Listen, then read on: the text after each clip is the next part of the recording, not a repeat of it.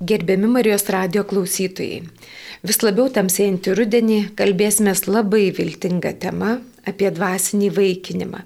Laidoje svečiuojasi gyvojo rožinio draugijos Kaišėdorių viskupijos vadovė Jolanta Selešienė. Gerbėjus Kristė. Per amžius. Ir kunigas Adama Dukovski iš Širvintų Švento Arkangelo Mykolo parapijos. Garbėsiu Kristui. Per amžius. Laidą vedu aš, Vėlėta Vitkauskinė iš Lietuvo šeimos centro. Jolanta ir kunigas Adamas pirmiausia yra aktyvūs maldos žmonės ir tikrai dvasinio įvaikinimo ambasadoriai. Tai aš labai džiaugiuosi, kad jūs atėjote į tą laidą, iš tikrųjų jūs ir inicijavote šitą laidą, kad galėtumėte pasidalinti su Marijos radio klausytojais savo dvasinio įvaikinimo patirtimi. Lapkritis toks vienas iš mūsų pačių tamsiausių mėnesių, pačių tokių liūdniausių mėnesių, kai mes prisimenam mirusiuosius, visi šventi lapkritį, vėlinės lapkritį ir lapkričio 23 dieną mes minime negimusio kūdikio dieną. Ieškojau aš statistiko šiek tiek, bet labai nedaug. Radau 2021 metais Lietuvoje buvo atlikti 2735 abortai. Lyginant su ankstesniais metais prieš dešimtmetį, ir kiek tai abortų skaičius yra sumažėjęs kartais. Tačiau mes žinom, kad kūdikių netenka moteris ir aborto, kur pasirenka pačios, gal gyvenimo aplinkybių greičiausiai prispirtos. Dėl tokio ir vienišumo, nepalaikymo situacijų taip pat yra ir persileidimai, kur įvairiai yra sakoma, ar vienas trečdalis neštumų baigėsi persileidimais, kai kas sako, kad net 50 procentų neštumų baigėsi persileidimais.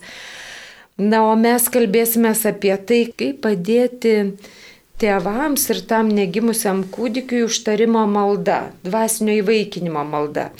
Ir kas tai per malda, ta dvasinio įvaikinimo malda ir iš viso, iš kur jie kilo? Tai labai ačiū už tą klausimą. Manau, kad verta pradėti nuo pradžių, iš kur jį kilo, kokia čia buvo iniciatyva. Tai manau, kas yra svarbu, tai nėra žmogaus iniciatyva. Mes turime tokių daug labai maldų, kurie gavom tiesiog nuo Dievo, kaip pavyzdžiui pagrindinė malda tėvė mūsų. Ar ta malda labai žinoma visam pasauliu, kuri irgi išėjo iš Vilniaus gailestingumo vainikėlis, kurį turime per Sasa Faustiną. Taip pat visą tą iniciatyvą, manau, kad inicijavo Marija ir tai viskas prasidėjo nuo Fatimos, tai yra 1917 metais. Kaip žinome, kaip Hyacinta, jauna mergaitė, buvo Lisabonoje viena ligoniniai Tada jį paklausė Marijos, kokios nuodėmės labiausiai įžeidžia Marijos širdį. Ir tada Marija jį atsakė, kad tai tos nuodėmės surištos su šaštų įsakymu, Dievo įsakymu. O ypatingai tos nuodėmės, kurie prisiliečia prie gyvybės, tai yra aborto nuodėmės. Po Fatimos apsireiškimų susikūrė tokia bendruomenė, Milinoji armija, kuri ypatingai norėjo, kaip sakant, įveisinti, kad pasaulis išgirstų Fatimos pranešimą. Ir iš tos bendruomenės kilo ta iniciatyva tos maldos, dvasinis įveikinimas, tai yra malda, devynių mėnesių malda, užtarimo malda, kur mes melžiamės už žinoma tik Dievui šeimą, melžiamės už šeimą, kad tėvai su drąsa ir meile priimtų gyvybę. Tai yra užtarimo malda ir tikrai tik tai vienas slėpinis rožinio. Tėve mūsų ir dešimt kartų sveika Marija užtenka, kad išgelbėti gyvybę. Ir manau, kad ta malda išėjo į visą pasaulį įvairiais būdais.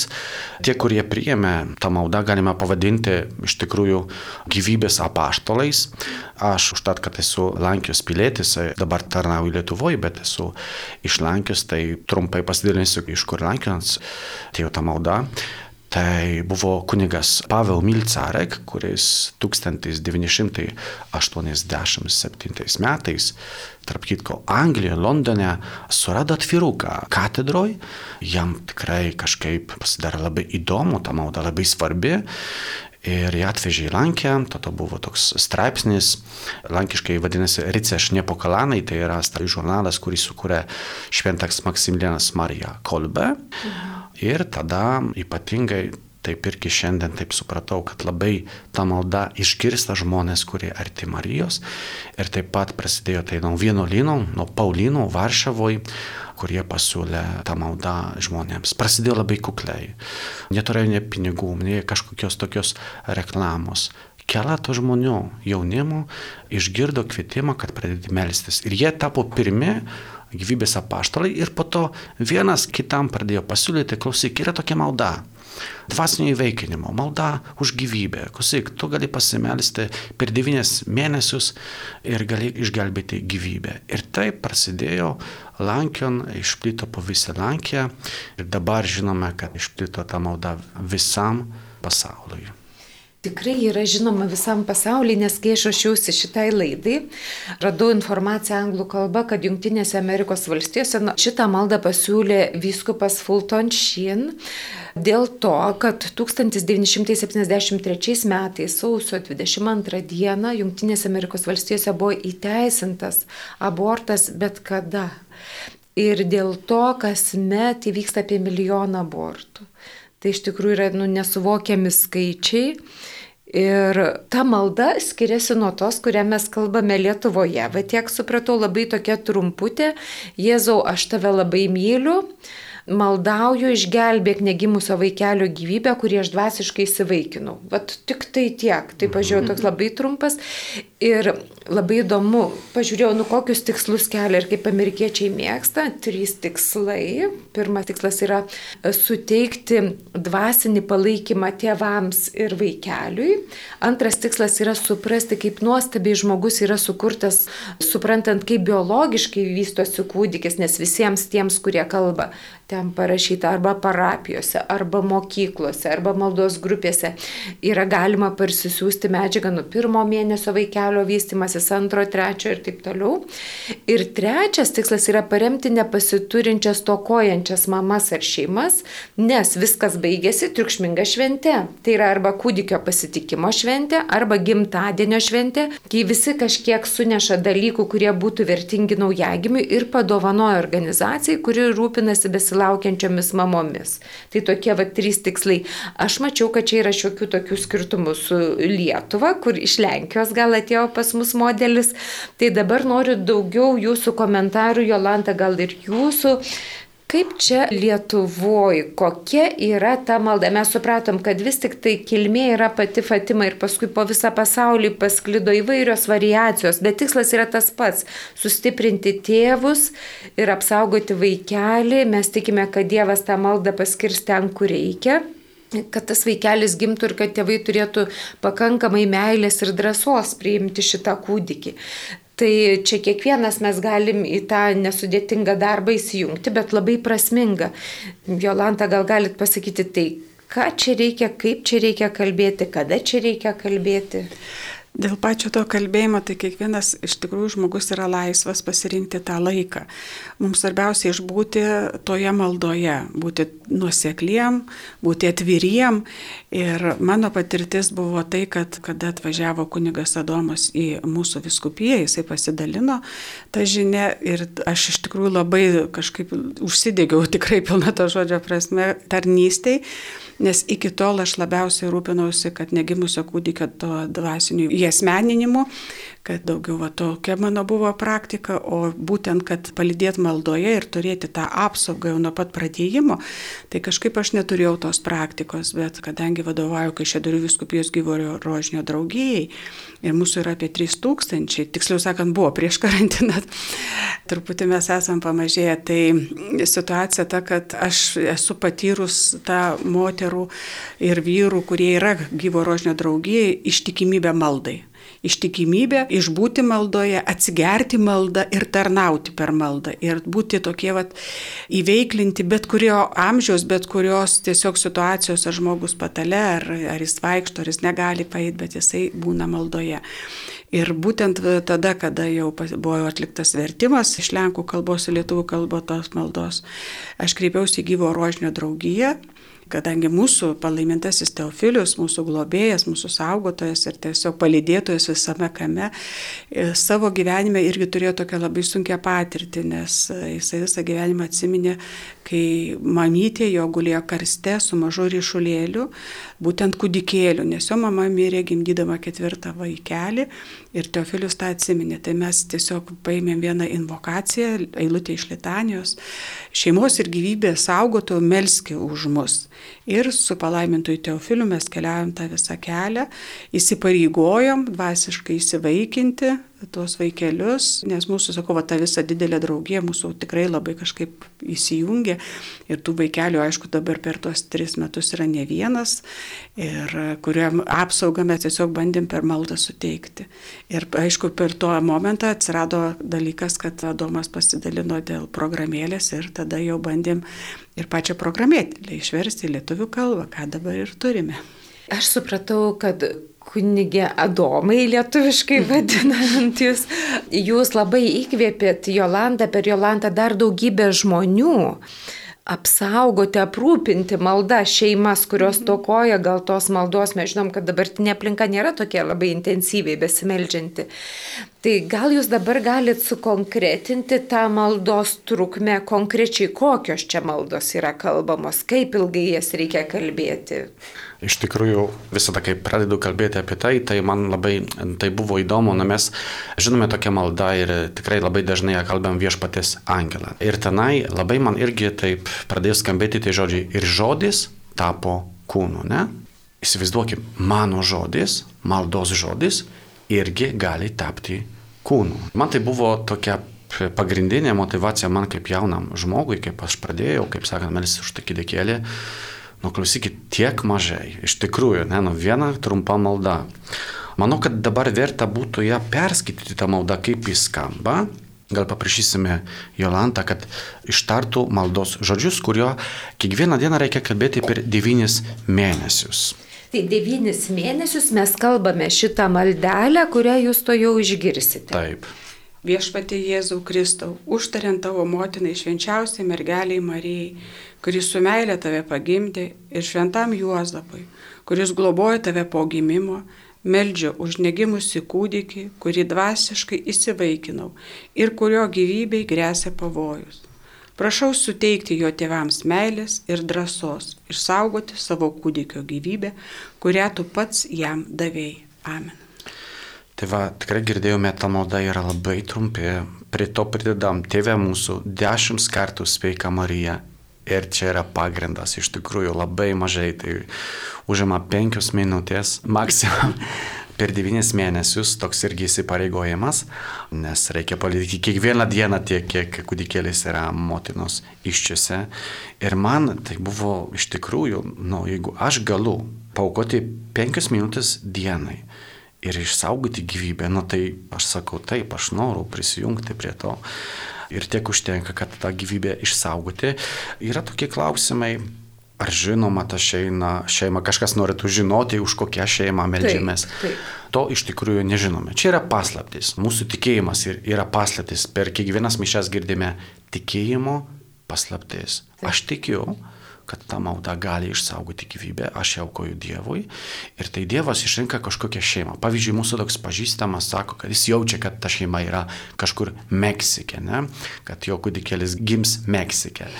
Mes to nežinome, bet Dievas žino ir aš žinau, jeigu aš kasmet, pavyzdžiui, galiu išgelbėti gyvybę ir iš vienos pusės aš tapu dvasiniu tėvu. Ne?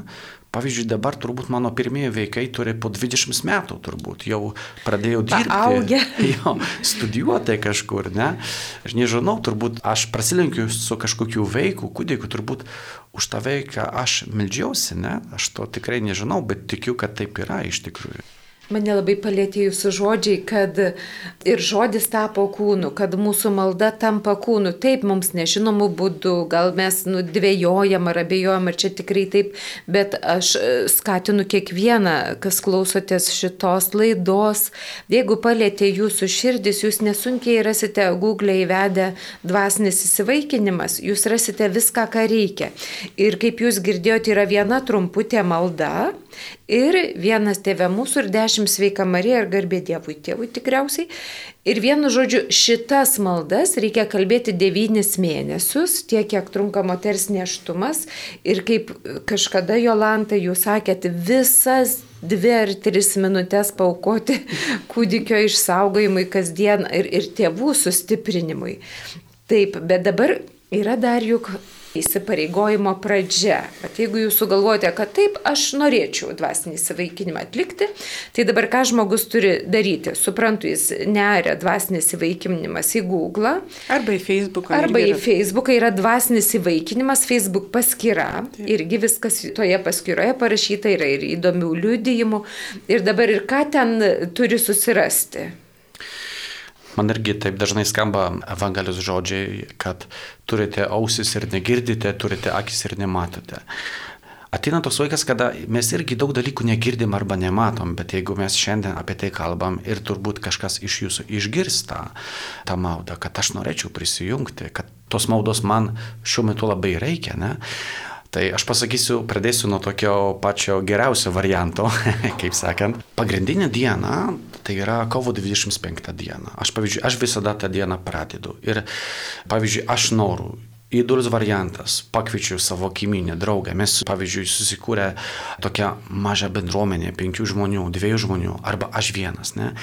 Geriausias variantas, aš einu pas savo kleboną, kunigą, sakau apie tą iniciatyvą, turbūt jis dar to irgi neišgirdo. Tai tuo metu jau aš esu gyvybės apaštalas, jau sakau kunigui apie tą maldą ir tada proga mišių, tai jau, jau kunigas tada parinka tinkamą momentą, pavyzdžiui, po komunijos, prieš palaiminimą, prieinam prie altoriaus ir tada yra dvasinio įveikinimo įžadų formulė.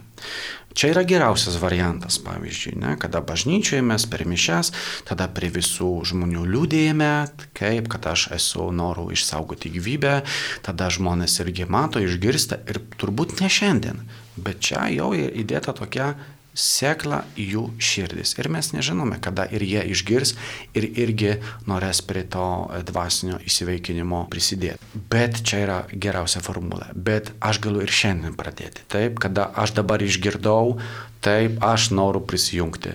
Ir irgi reikėtų, yra dvasinio įveikinimo įžadų formulė, kurie randame visuose straipsnėse, kurie yra tik tai, jeigu buvo, buvo kažkoks straipsnis parašytas internete, tai ten yra toks pagrindinis irgi.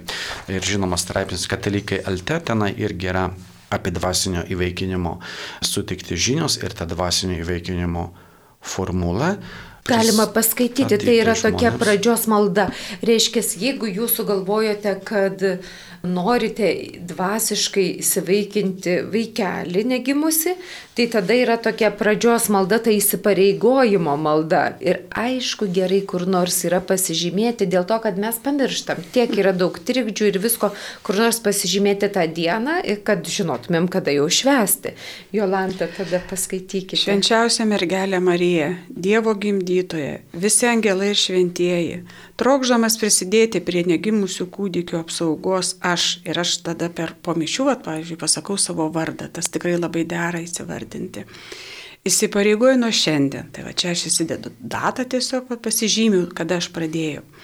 Dvasiškai įsivaikinti vieną kūdikį, kurio vardas žinomas Dievui. Ir devynis mėnesius kasdien melstis, kad būtų išsaugota šio kūdikio gyvybė. Ir kad jis užgimęs auktų dorų ir teisių žmogumi.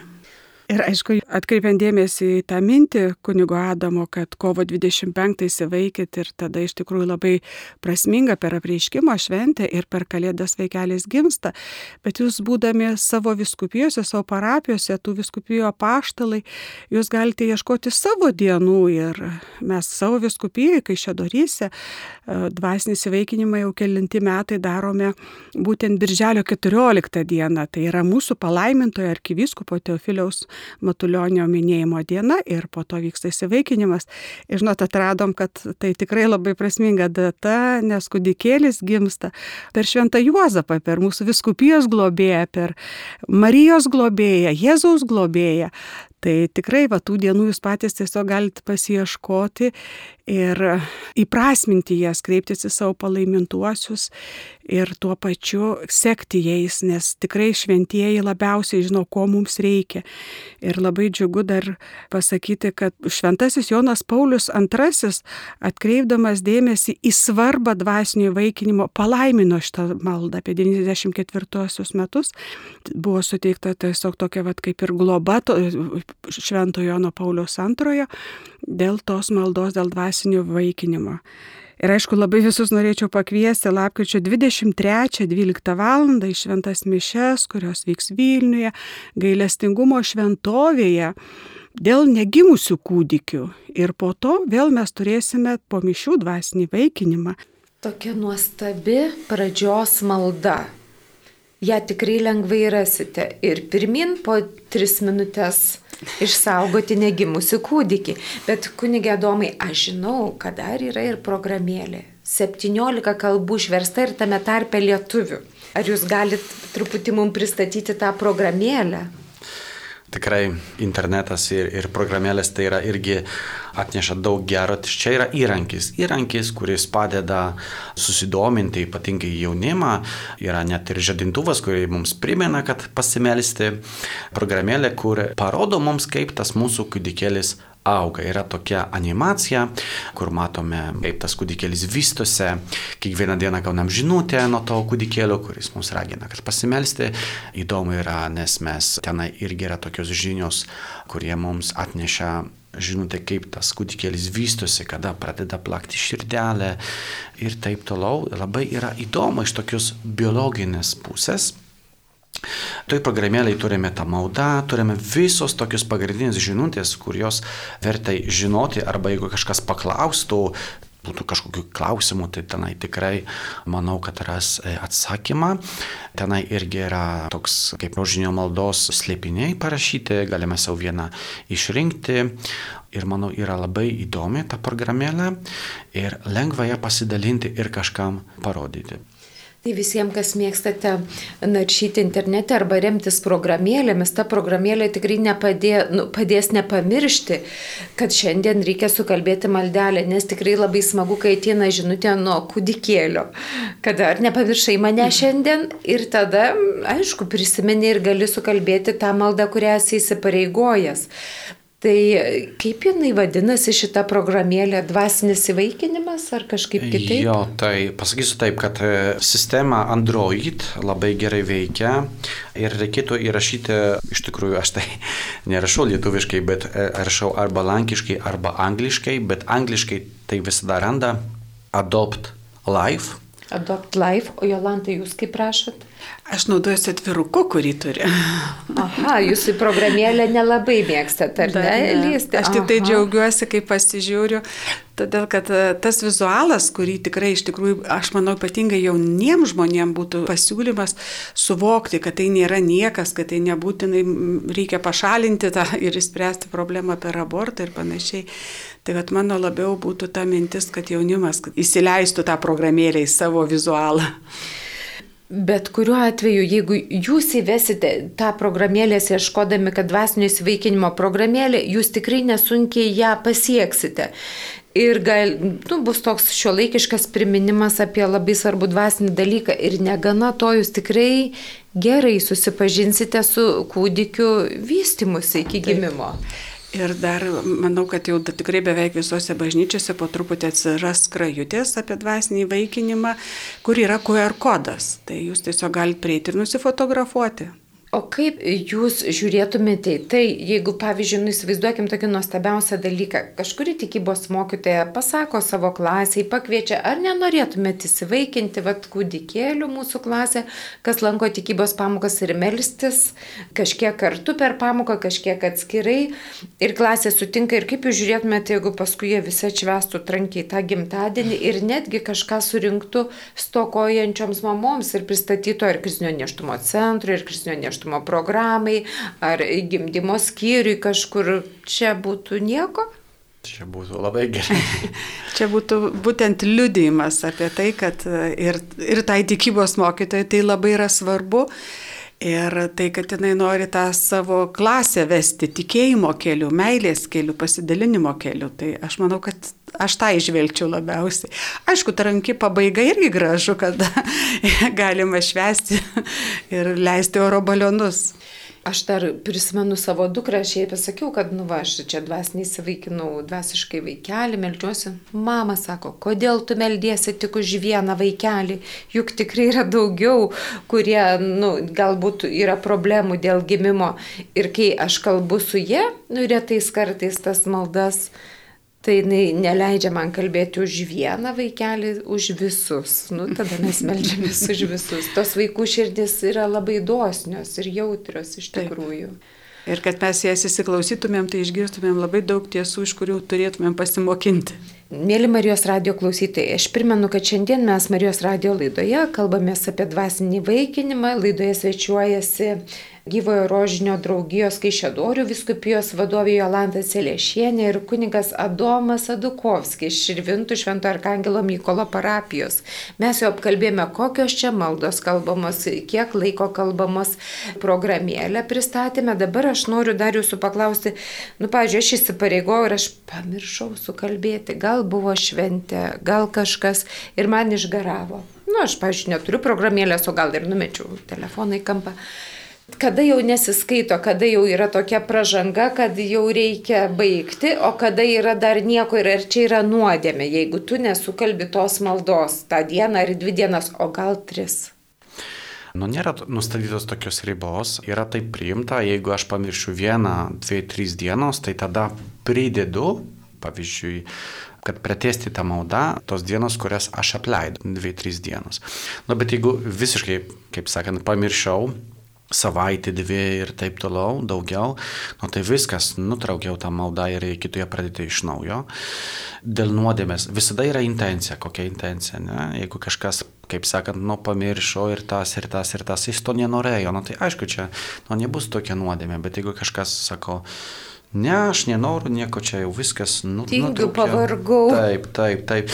Na, nu, aišku, čia yra laisvas dalykas, niekas tave, kaip sakant, prie to nepriverčia, bet manau vis tiek tai ta malda auklėja. Nes tas išsipareigojimas anksčiau kažkam taip blogai skambėjo, ne? bet iš tikrųjų, aš kaip girdžiu, kunigė sako, dėka tos maldas, dėka to įsipareigojimo, aš kiekvieną dieną meldžiuosi, ne? Ji padeda šeimas labai, daug šeimų jau tikrai dvi šeimos girdėjau, kur ta malda sujungia, pavyzdžiui, ne? kad vienas... Galit pasidalinti jo. Vienoje šeimoje moteris pradėjo melstis ir pakvietė vyrą.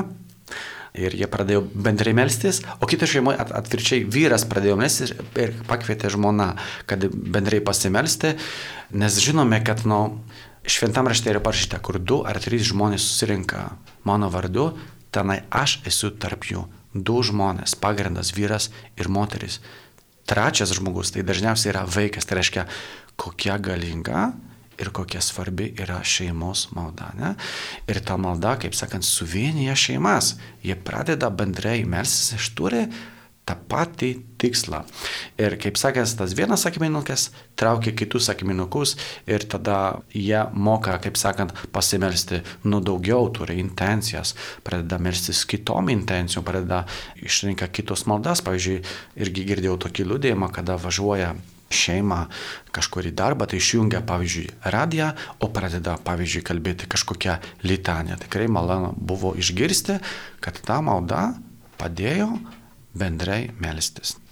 Aš dar vieną liūdėjimą, kur moteris e, tikrai maldos žmogus, o vyras, kai sako, jinai taip sako, kad e, jis sako, kaip mėgoja, taip ir miega, jis neina su manim koja koja maldoja, bet sako, jis man netrukdė. Ir vad būtent po va šitos maldos, kai jisai susipažino, Tai jisai buvo iniciatorius ir sakydavo, kad ateina laikas, nes jie irgi iš atviruko meldės, ne iš programės. Ir jisai įrodydavo, sako, jau viskas, jau laikas, sako, mes turime eit melstis. Tai vat pakviesti vyrą maldai irgi yra labai svarbu, nes paskui vyras pasirodo kviečia žmoną ir susišaukia būdu.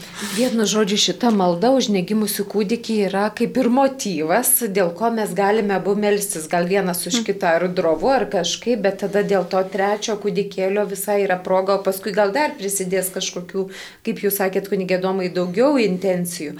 Ar jums neteko girdėti, ar va, kad jums sugrįžtų kažkokios istorijos žmonių, kurie meldėsi, apie tą vaikelį, kiek nors suprato, kokios yra patirtis dar besimeldžiančių O jūsų neprašo, kai jūs kelbėte šią žinę, kad pasimelskite, aš laukiuosi už mano vaikelį konkrečiai tokių, nes čia aš suprantu, mes melžiamės ir sakom, Dieve, nu, kam tu paskirsi, tam ta malda ir tegu eina. Mhm, Bet ar, mhm. ar nebūna, kad žmonės sako, aš laukiuosi, aš pergyvenu, kaip man bus, arba man grėsantis persileidimas, pasimelskit.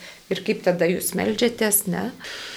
Ta malda neša tikrai labai daug vaisių ir tų leidimų yra labai daug. Pavyzdžiui, mhm. iš tokios mano patirties tai Lankijoje beveik kiekviena parapija turi tokį puslapį surištą su dvasiniu įveikinimu ir tenai tikrai yra daug labai liūdėjimų, yra labai daug tų vaisių, kurie neša tą maldą.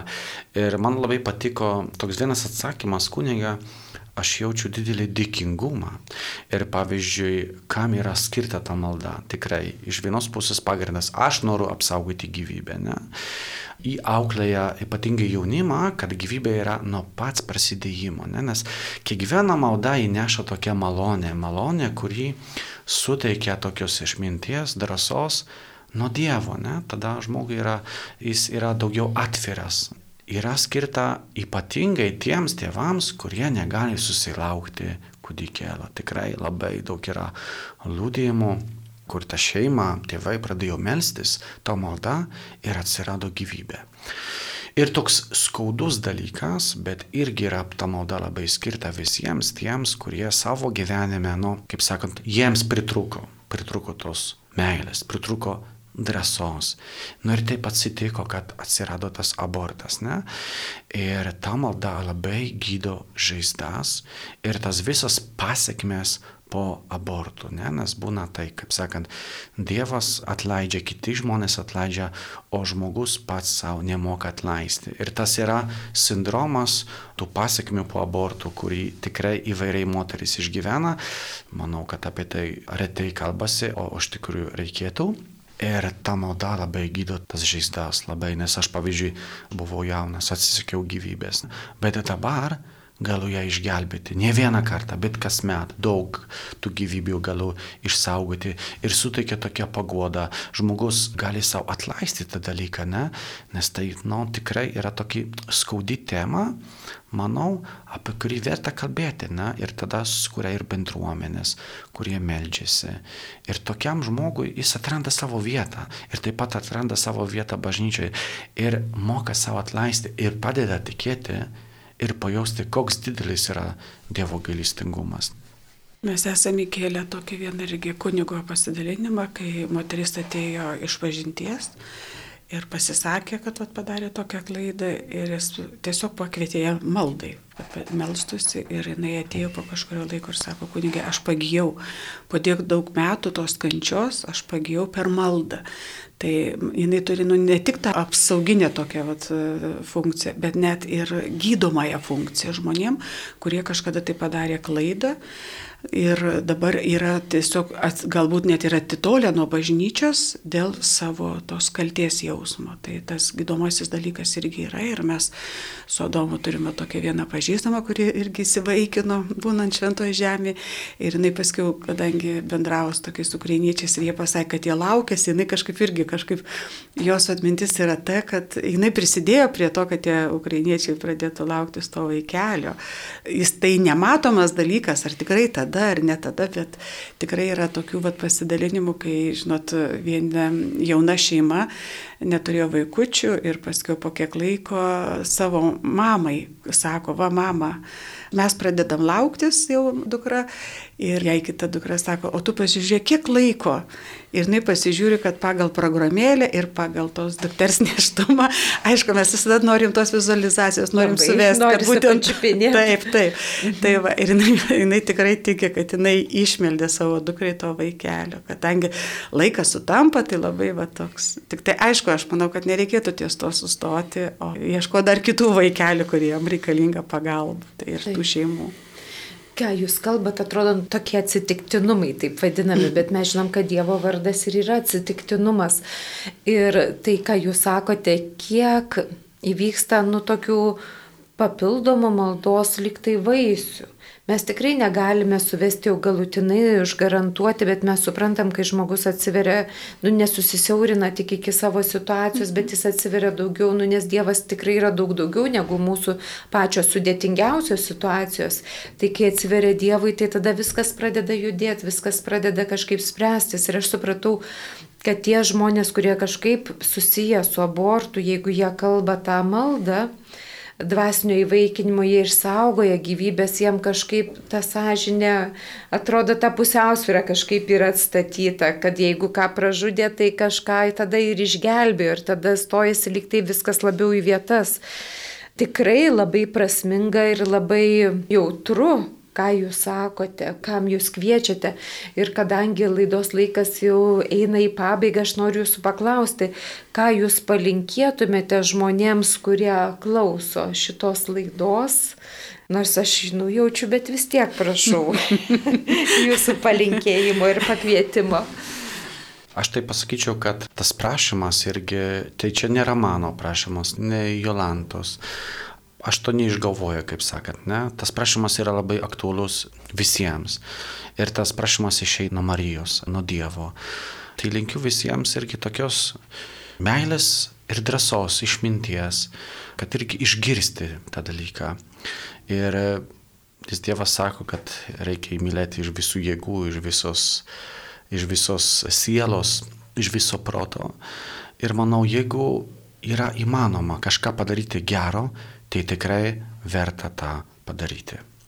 Aš ten norėčiau palinkėti džiaugsmo, džiaugsmo būti maldoje, džiaugsmo patirti tą grožį maldos ir aišku, tikrai įsiprasminti save. Aš manau, kad tie devyni mėnesiai tai tokia akimirka, kurios mes tikrai nepastebėsim, jinai prabėgs, bet tiesiog įsijungti ir pabandyti su tą maldą keliauti. Keliauti su mergelė Marija, kuri paima mus visada už rankos, kuri mus apgobė ir pasakyti taip Dievui. Aš įsivaikinsiu tą vieną vaikelį, kad galbūt kažkada galėsiu pasakyti, kad gimė kažkokia įžymybė ir aš esu prie to prisidėjęs, žinot, mes visą laiką sakom, tai va, tai treneris, tai mokytojas prisidėjo. Išsirenkam ryškesnius.